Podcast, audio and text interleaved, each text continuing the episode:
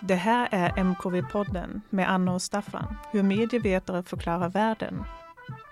And today we are going to have a conversation in English again on the exciting topic of tristesse or boredom.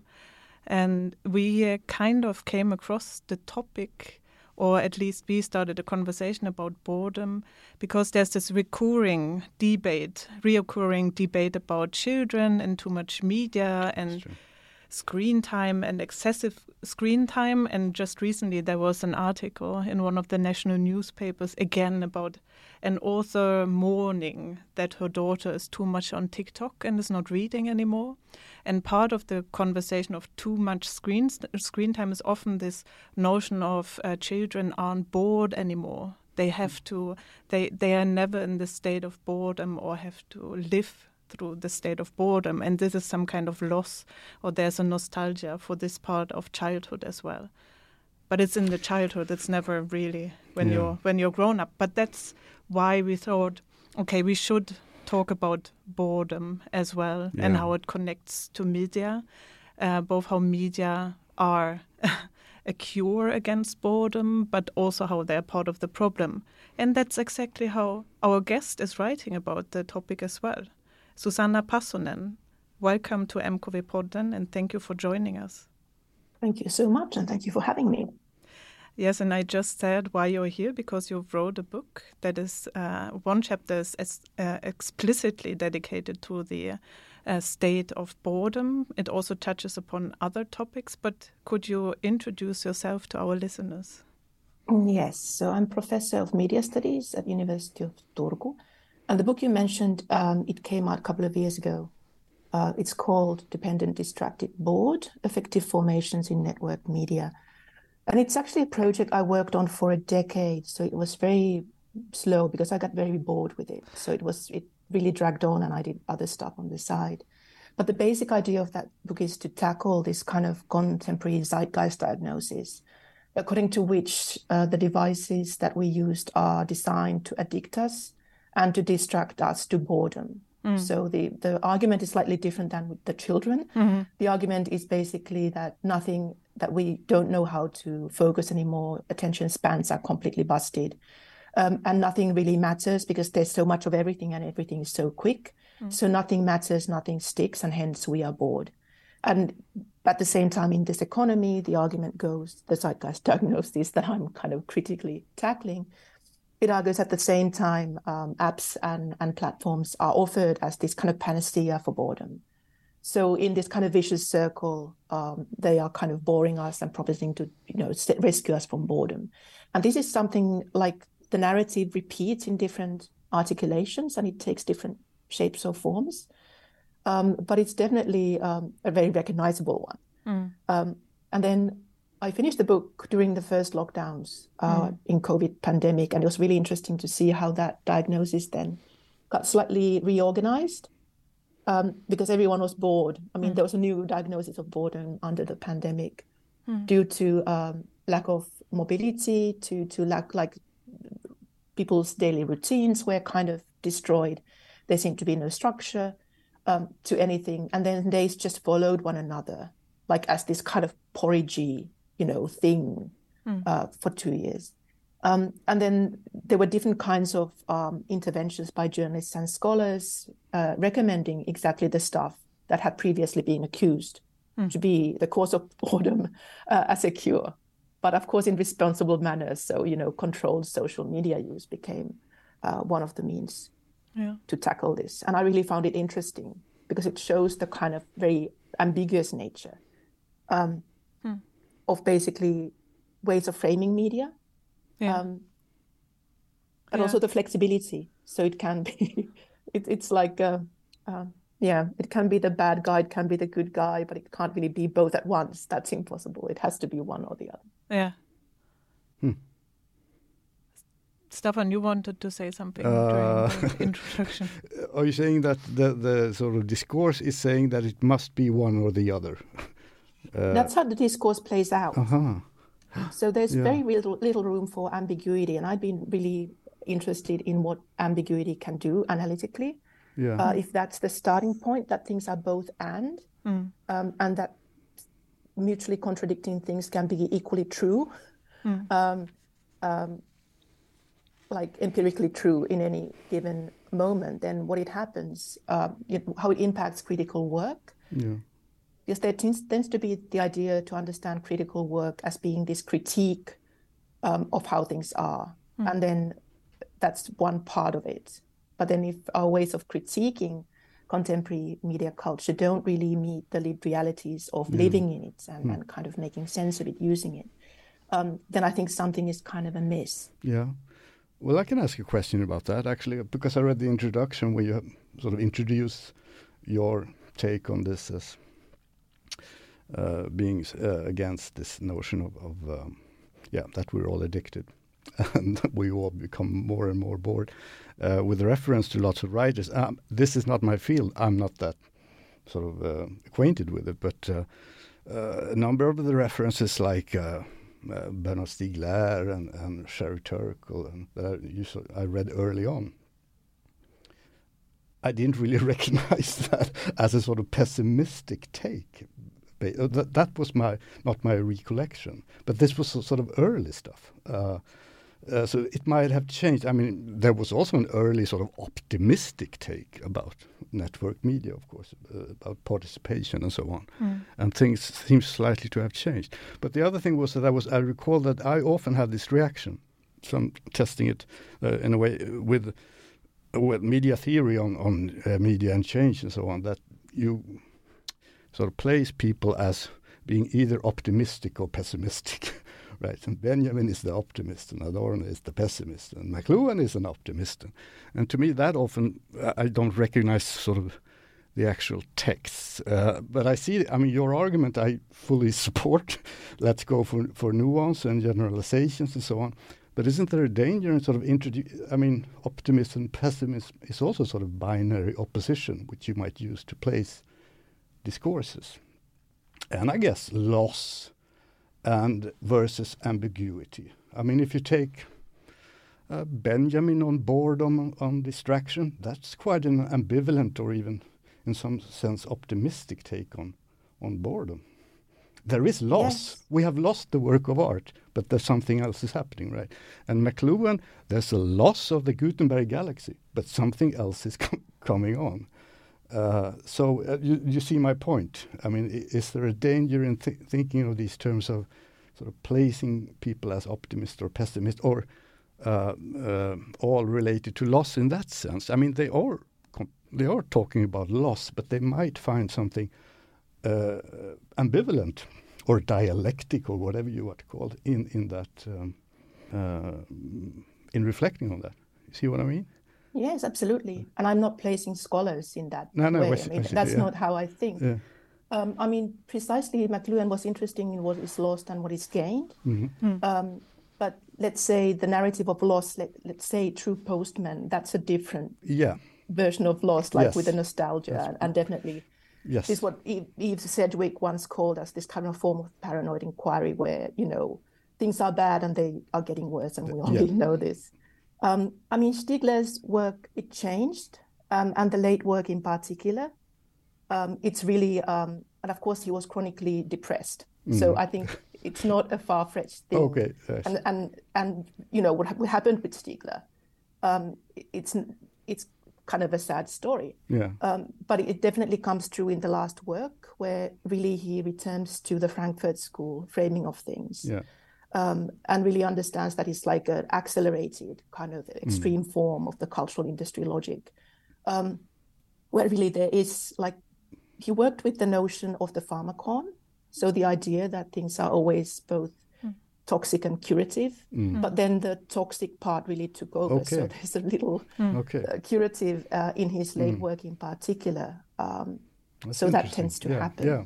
But I think the overall kind of zeitgeist narrative, it's much more focused on what is kind of what has been lost. Mm. Um, and usually things that are gained, like bad attention spans, aren't considered particularly uh, worthwhile having or something Yeah. kind I see of what you mean. desirable. Yeah. Um, so my my interest is kind of thinking about these developments, and I'm not and I've been really surprised that some people thought have found my book really like happy, like or, or kind of optimistic. Uh-huh. I mean, I'm no Pollyanna, um, oh, yeah, yeah. but then the thing is um, that that frame of theorizing it really didn't meet yeah. the uh, empirical uh, stuff that I was working with, kind of the body of student essays that was pointing into something more um, ambigu- ambiguous. Yeah. Mm. And as per Benjamin's, I mean, I, yeah, I do I work fo- with his notion of boredom yeah. um, in in the boredom chapter. But it's also his Benjamin is, I mean, he's knowingly cryptic, right? Mm. That's mm. basically his mode of oper- modus operandi, and that the boredom piece. Um, it's from the uh, Arcades project, which it's basically notes. Mm. So it's really actually impossible to say how the argument would have would have sort of come together. Yeah. Mm. Yeah, I, I, mean that's in a way the logic if that they think that this isn't your book is an optimistic book comes out of just critiquing pessimism then you must be an optimist in a way uh, uh, uh, but but it's interesting to see i mean i guess my point was uh, that you can find in the earlier stuff like for instance mcluhan and benjamin you can find ambiguity, and you can find a discuss of loss, uh, which yes. is, is sort of also about gains. That, that, was, but I see what you mean with Stieg and so on. Um, that, that, that's probably very true. That and the whole yeah, discussion has changed pulled, with. Yeah. things also um, changed with Sherry Turkle. Yeah. Mm. I mean the the 90s stuff was fairly, uh, in a way, optimistic. Yeah. Or they're using yeah. kind of therapy patients and extreme, you know, online users as template for how we are. I, yeah. I never really bought into that, like in life, life on the screen. But then the death of conversation books mm. mm. um, and stuff like that, and also because she's a public intellectual, so there's a lot of airspace yeah. Um, for that diagnosis. And interestingly enough, I mean, she moved her with COVID, she moved her kind of therapy practice mm. online. Mm. So I think there was a bit backtracking on, you know, mm. what can still happen. It's yeah. not the same, but what can still happen in this kind of mediated screen-based yeah. Um, interaction. Well, that would be so sort of an, an, interesting trend. I just read an article about the return of Gustave Le Bon, uh, sort of ultimate mass theory, extremely mm. pessimistic, and now he's sort of soaring again. So that might be uh, people find sort of comfort in reading Le Bon uh, in that sort of critique. So uh, it was out for a long time, and now it's back. Mm. So it might be uh, something is going on there. But you said in the book, to, just to bring it um, a mm. bit more to the empirics or to mm -hmm. the mm-hmm. experience or the affective state, whatever boredom might be or defined as. You said you're working with uh, student essays in your book, quite large body of those essays, um, and I would be interested in how the students articulate boredom in in the essays or in um, how they talk about the experience of boredom, or maybe also if if you have um, um, extended the material during the pandemic, for example, how this articulation of boredom changes and how it's might be related to these other two states that you uh, dedicate the book to, to distraction and addiction, um, because they kind of appear together as you also presented in in the beginning. So um, they are there at the same time. We are uh, distracted, we are addicted, and mm-hmm. we are mm-hmm. bored all at the same time. Well, the essays I, I started collecting, I mean, initially this was supposed to be a project um, on kind of affect and technological failure. Mm. So basically, uh, over the years, um, I asked my students to, you know, how does it feel when media technology does not work? Mm. Like just describe. And then I would use these excerpts to teach actor network theory, which humanities mm. media studies students can be very resistant to for reasons I don't fully understand. But anyway, mine tend to be, unfortunately. Not as resistant as towards McLuhan, but still fairly, mm. fairly unwilling. And then I would use excerpts from their own essays to sort of get the point through um, on actor networks and kind of like how agency, so so to speak, can come about. So in a roundabout way, um, I end up writing um, about distraction and boredom. It started about being about basically dis- distinguishing between uh, dependence and addiction. Mm-hmm. If network media have become infrastructural to how everyday lives are organized, and I think they have. I mean, mm-hmm. COVID again brought that into mm. sharp mm. focus. Then to say that we are addicted uh, on something like Zoom, I mean, that would be pretty extreme. It's uh, it's more like the necessities of life. Mm. Um, um, and in Finnish, I mean, it's the same word. Um, riippuvuus, riippuvaisuus. I mean, it, it can be either addiction or or kind of dependence. Um, But what they're describing is this very mundane sense of, you know, I can't act in the world if if I'm cut off from um, from network connectivity. One of them writes, you know, there was no Wi-Fi in the student village. It felt like something elementary was missing. It's like my flat didn't have a toilet, which is like a very concrete articulation of infrastructural kind of affordances. And then I became interested in also thinking about this kind of diagnosis um, of distraction as being uh, connected to attention. I mean, obviously they are, but not as flip sides or polar opposites, but rather to consider basically distraction is where uh, attention becomes disrupted and reorganized. Uh, so it's about dynamics of attention, it's about temporalities of attention. Um, and then boredom as being connected to interest and basically experience being this kind of oscillation within degrees of interest or lack thereof. Um, so I haven't started with something like Heideggerian notion of you know existential boredom as something to to cherish and, and celebrate because then we're actually getting pretty close to something that is almost like clinical depression, the sense of nothingness. Um, so I've been interested in in well affective formations in that sense um, that they are kind of these tapestries of attention. Long answer, but I'm getting to the point. um, so the students actually don't write explicitly about boredom that much. Some of them do. Um, but the most notable examples, I think, are about being forced into a rhythm, not of one's own choosing. So being on a train Wi-Fi, and it's so slow, and it just won't move, and it's like I'm stuck in this place and time. It's like my life doesn't move forward. You know, it's like you know looking at that little thing going round and round, and mm. I'm stuck. And this sense of kind of like lack of agency, certainly, but also the sense of kind of slowness and tedium mm. and boredom. Mm. Um, and then there's the kind of recurrent version of you know if if if I can't get online, then I'm doomed to boredom. So this do, the boredom management part that Tina Kendall also writes about, it does come about. But interestingly enough, for those students, uh, it doesn't seem to be the speed of things that's the problem. It's more the slowness.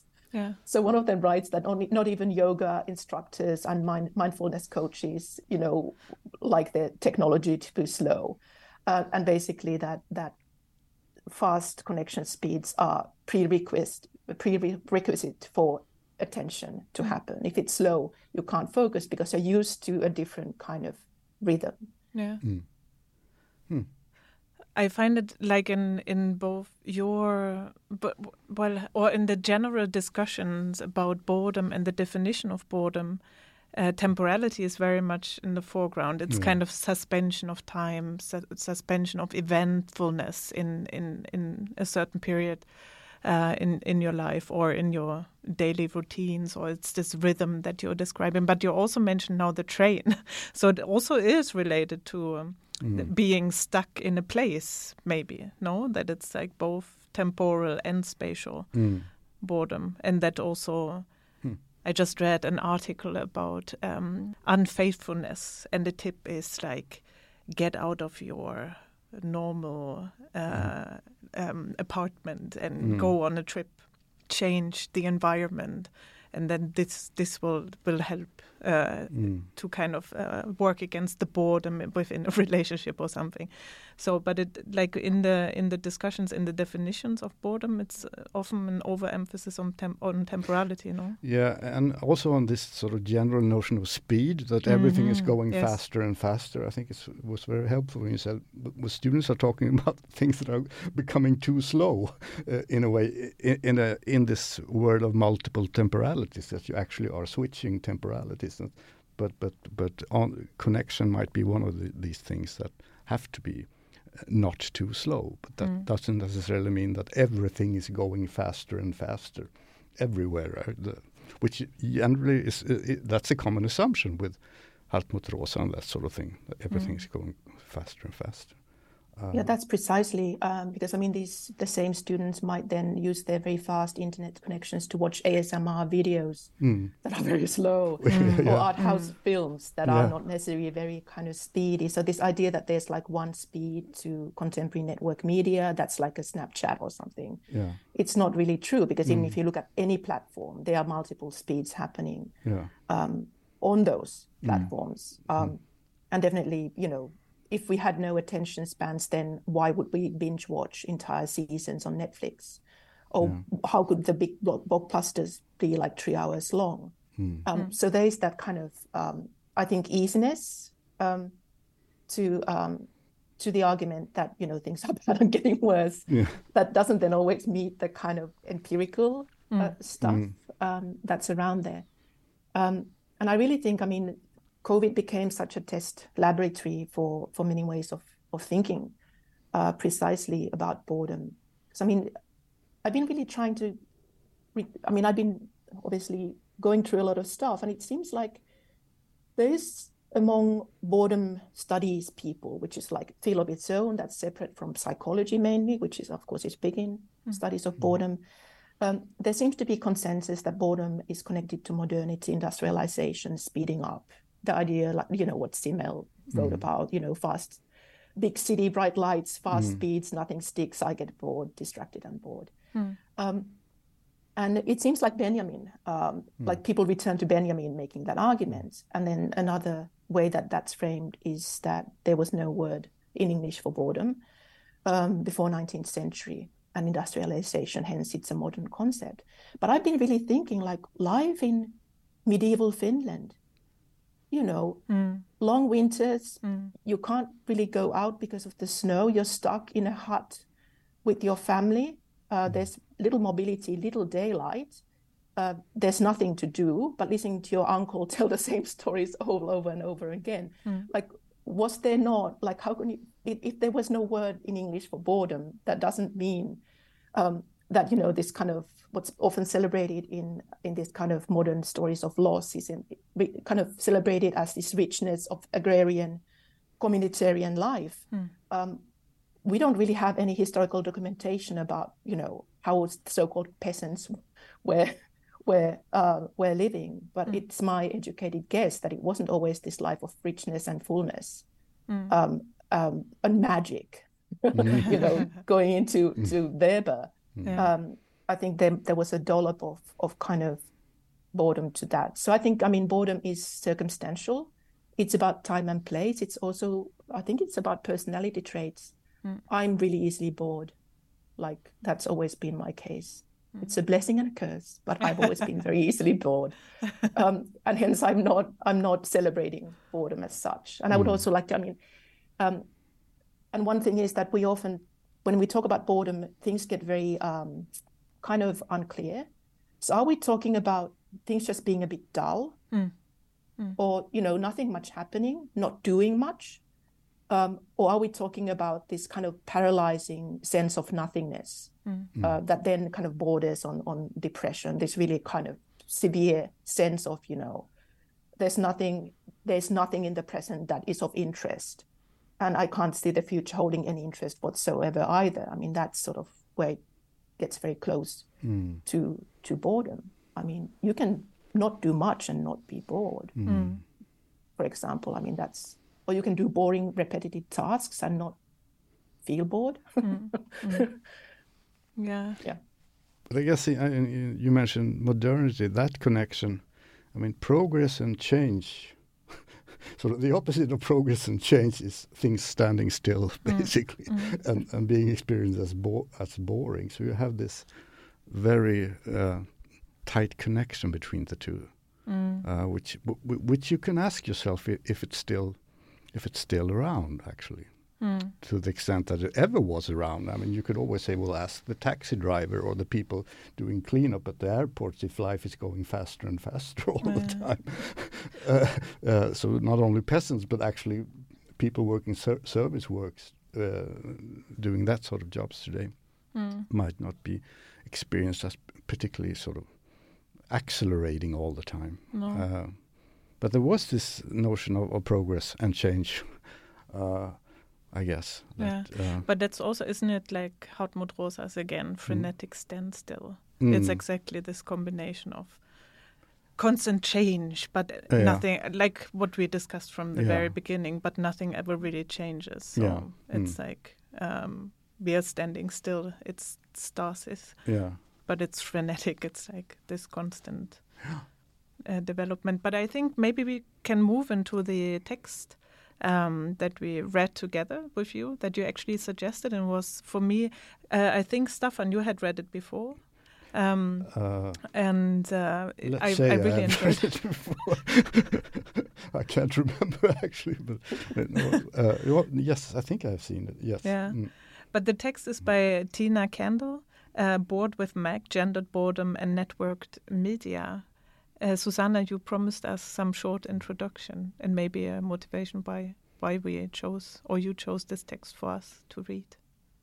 Yes, so Tina Kendall, um, she's associate professor in film and media uh, at Anglia Ruskin in Cambridge. Um, and she comes from kind of continental theory and film studies Mm. um, and has a long kind of standing interest in, in affect inquiry. And that's sort of what's led her to kind of minor affects.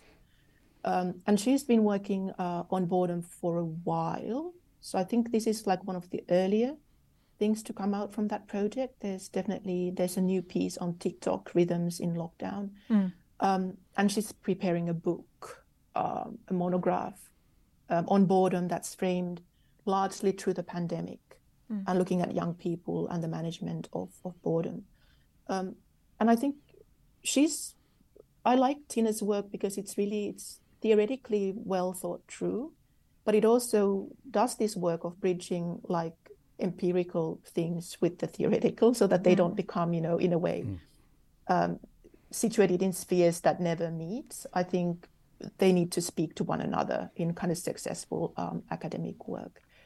Um, I mean, theoretically, I mean, she comes from a kind of slightly different place than I do. But what I particularly like about this piece um, is that it sort of takes a critical look of who are the subjects of boredom when we, you know, in the discourses of Mm, boredom. mm. Um, tackles the issue with young children, young people, very broadly construed, because young people can be like small children or they can be people in their twenties. Like it's a it's a kind of capacious category.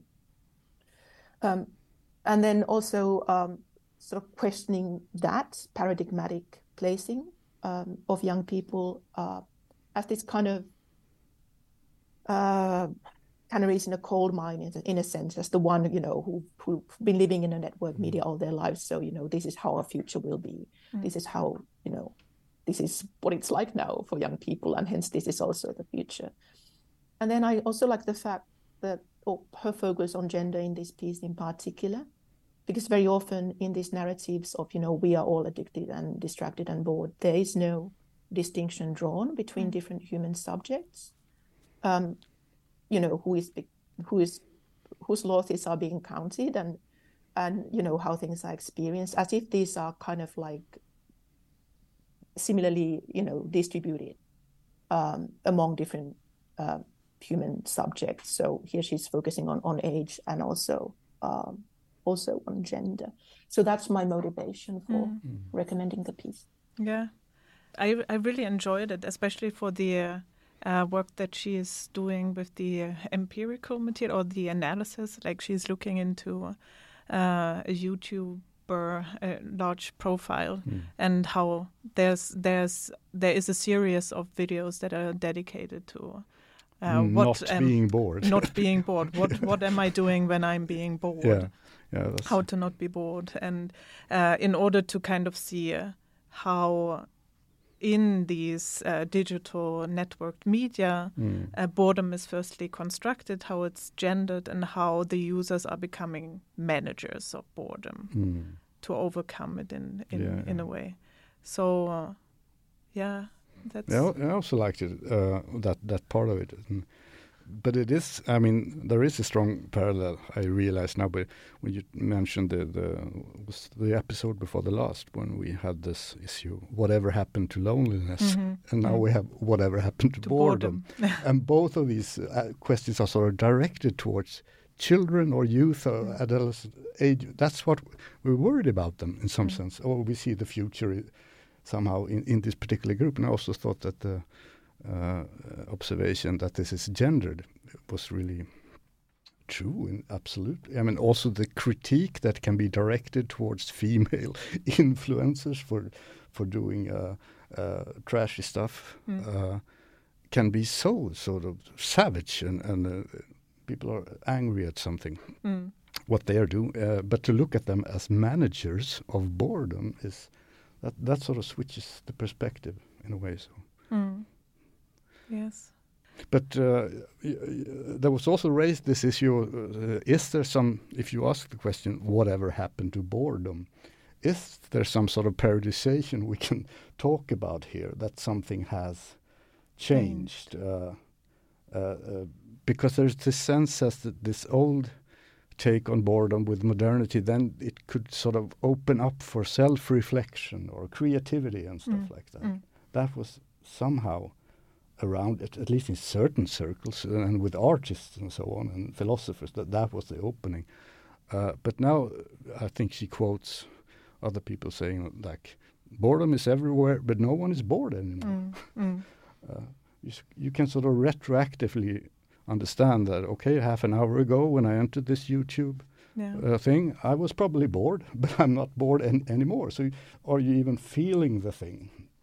Uh, so, I mean, what, what, what, what is it there? Is there such a sort of periodization to be made, or is it just sort of different perspectives we're taking on the same thing? It's difficult to generalize on people's experiences Yeah. without any kind of documentation or, or material. Um, but I think, I mean, what's happening with like with Bored with Meg, for example, uh, I mean, as content creator, she is performing boredom. Mm. Um, and and it's like a it's almost like a meta level because Mm. clearly she's very engaged, so interested um, uh, in this kind of performance, and there is something recognizable about what she's doing. And if no one was ever bored, then that would not be recognizable. So you might, I mean, going against the kind of hierarchies of culture here, but you might argue that this is a form of creativity Yeah, connected yeah, to of to boredom arising Mhm. from a moment of of kind of reflection. Yeah. Um, I mean, I grew I'm I grew up. I was I was a kid in the the 80s um, and thinking of the media environment. So some of my students in the essays, getting back to those briefly, they sort of have this broad like musing, like oh, it might be nice to you know be in a media environment. You just have like two radio stations, like National Broadcasting Company, and maybe some television. I don't think they could actually survive in that environment um, pre-internet, you know, where where just the scarcity of stuff, uh, t- whether it was TV channels, whether it was um, like films you could see, depending on where you lived, of course, Mm. um, or just music availability of of everything. So that meant that things could be interesting just by virtue of being hard to see. Mm. Mm. Um, Mm. so, and I think that part of you know attraction of certain cult films, for example, can be Mm. connected to that scarcity. Eraserhead was really difficult to see, and hence it was really exciting. Independent of how you felt about the film, you were just excited about seeing it Mm. in that culture's scarcity. Whereas I think in the in the contemporary uh, setting, it's more about how interesting you find the particular film, for example, because Mm. everything is kind of available. Um, so I don't think it necessarily scales that the more there Mm. is, um, the more bored we are. Mm. I think it's just more kind of um, cumbersome Mm. to actually distinguish between what you are interested in, to find what you are interested in. So it's like the opposite from, you know, well, Mm. it's like um, the, um, God, who made it? The, there's a TV scholar who wrote about the move from um, age of scarcity to the age of Yeah. plenty uh, in connection with BBC in particular. Um, but of course, now it's like, you know, age of plenty on overdrive um, in a sense. I just I think it just reorganizes our criteria for, you know, taking stuff on and really engaging. Um, and I think the distraction argument really has to it has to do with with just it being really difficult. It's more difficult for anything in the media to actually capture our attention, like really captivate. Mm.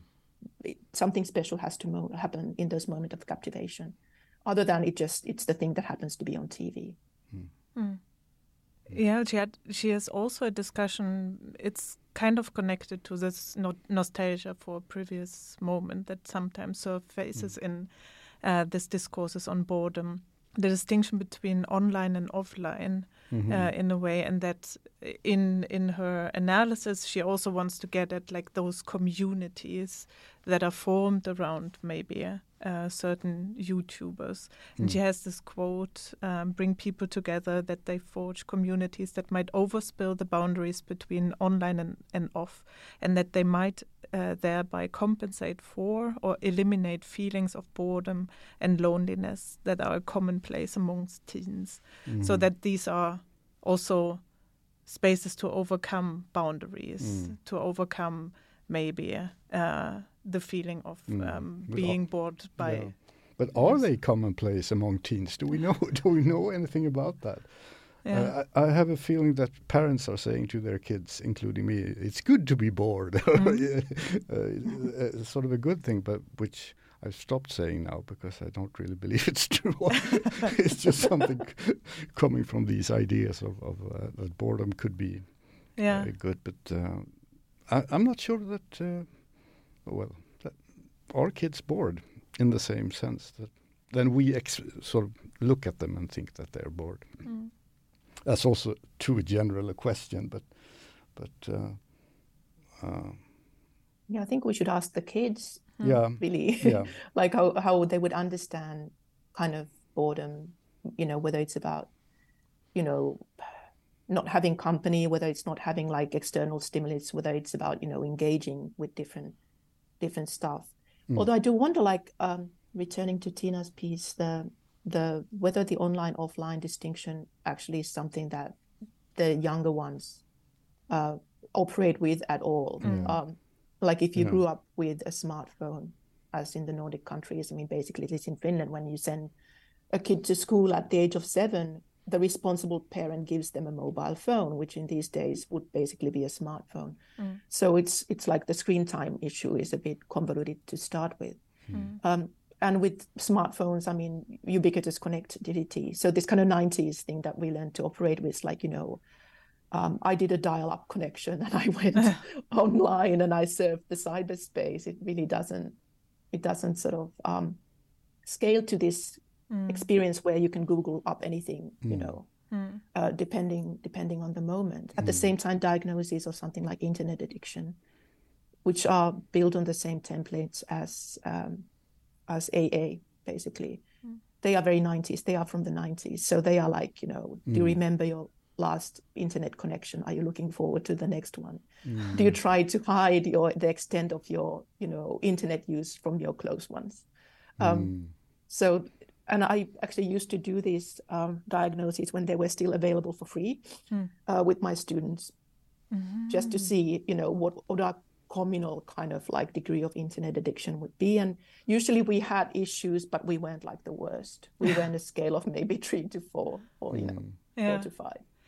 But I also recognize because there's a lot of anxiety among our students as well. Be- Mm. but it's because the this dominance of this discourse on Yeah, yeah. screen time and Yeah.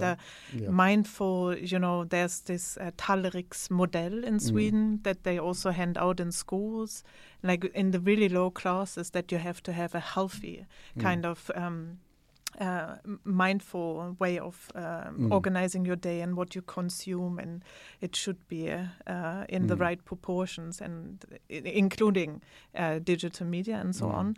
But it creates this like, yeah, I know it's uh, I'm using my phone too much, and but it creates this anxiety of um, I know I should do better and I should Mm. constrain myself, but I can't, I can't. Mm. Uh, and and this is a reoccurring issue in in the diaries that our students are writing for Mhm. certain exercises and courses and so on, and that Hmm. comes back in in discussions all the time.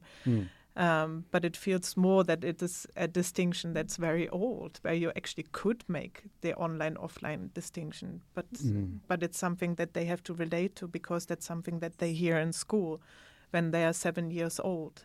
You Mm. you have to constrain yourself and you need to be outside the digital You need to go Yeah. out and play. Yes. Yeah, in the grass. Yeah. I mean, the thing is that that kind of general discourse, it doesn't really distinguish, like with the diagnosis of internet addiction, Mm. between. I mean, it doesn't distinguish between different motives and different uses Mhm. because it's the device that's Yeah. the addictive kind of substance. Um, so it doesn't really matter if you know if you are online uh, to read the news Mm, mm. or do your do your taxes or do online banking or do your work actually your your to study at the university you need access to online learning platforms all the time um, so i think people are articulating fears about social media and app culture but social media in particular maybe maybe gaming Mm. like casual gaming super casual gaming maybe porn Mm. um, but it's just framed as this very general like screen time or Mm. or kind of use. Um, but I think the kind of moral um, concern, and I think it's a moral concern, has to do with this frivolous or use is seen as frivolous. Mm. Um, but then again, we use the same devices for everything. And I think Mm. that became really clear in lockdown Mm. as Mm. students would use the smartphones to just, you know, study um, in different in different shapes and forms. And it was interesting. I was following kind of the New York Times in particular because it's been very active in in distributing this narrative of what you know Sherry Turkle is has also been Mm. reviewed it. There's like like a kind of like a whole uh, history of how they have been framing network media. And then suddenly there were interviews with mothers who said, you know, I I was concerned with screen time, but then I was looking at what my daughter is doing, and actually she's learned to edit these videos and she's learned to do this kind of amazing skills, you know, this creativity, that also understanding that it's not just watching stuff, it's also doing stuff, Mm. and not just stuff considered morally uh, suspicious, like taking pics of your naked body. I mean, it can Mm. also be other Mm. things. Yeah. Mm. Yes, is there anything else that we should add on the text that we've been reading? Because I'm also having a look at the time. Yeah, yeah. I'm not sure we're doing it justice, by the way. No. Yeah, no, probably not. We never, we never do. No, maybe we should mention that we- when we, We- drop the name Meg, uh, the, there's a part of it that Yeah. actually discusses, uh, uh, uh, yeah, uh, her, I guess she, she's, you can subscribe to her YouTube channel, which is much about uh, dealing with boredom, and there are many of them out there on on the topic. So Mm. that's a sort of empirical uh, Mm. material. Um, But we should also say that we always link to the text that we're reading Yeah. in the show Yeah. notes so that our listeners can follow up and really dive into Yeah. The discussions. But it's also that something that feels a bit constraining with the format of the pod as well, that you always think you have so much time mm. to talk about everything, but then time runs so fast and nothing sticks. and I'm very, I, I'm easily bored and really talkative. yeah. So I, I go against the Finnish stereotype. But we usually uh, end our um, show with one question for our guest. If you were to pick one song that kind of represents what we've been talking about today, which song would should we play for you, Susanna? You would play um, Caffè Nero Bollente by Fiorella Manno- Mannoia, which is an actually early 80s, not late 80s as I thought, Italian pop song um, with a really enjoyable chorus line. And of course, I mean, it's kind of nonsensical, the song. uh, um, but it's it's something that I, I did listen to a lot in, in lockdowns for reasons unknown to me, except I love Italian pop. So that's an 80s electro. That's Excellent. maybe the reason. Not really, not really connected with boredom um, beyond kind of the escape of flatness, really. Mm. Excellent. We are going to play it for you. Oh, enjoy. I you enjoy. Thank you so much. Thank you so much.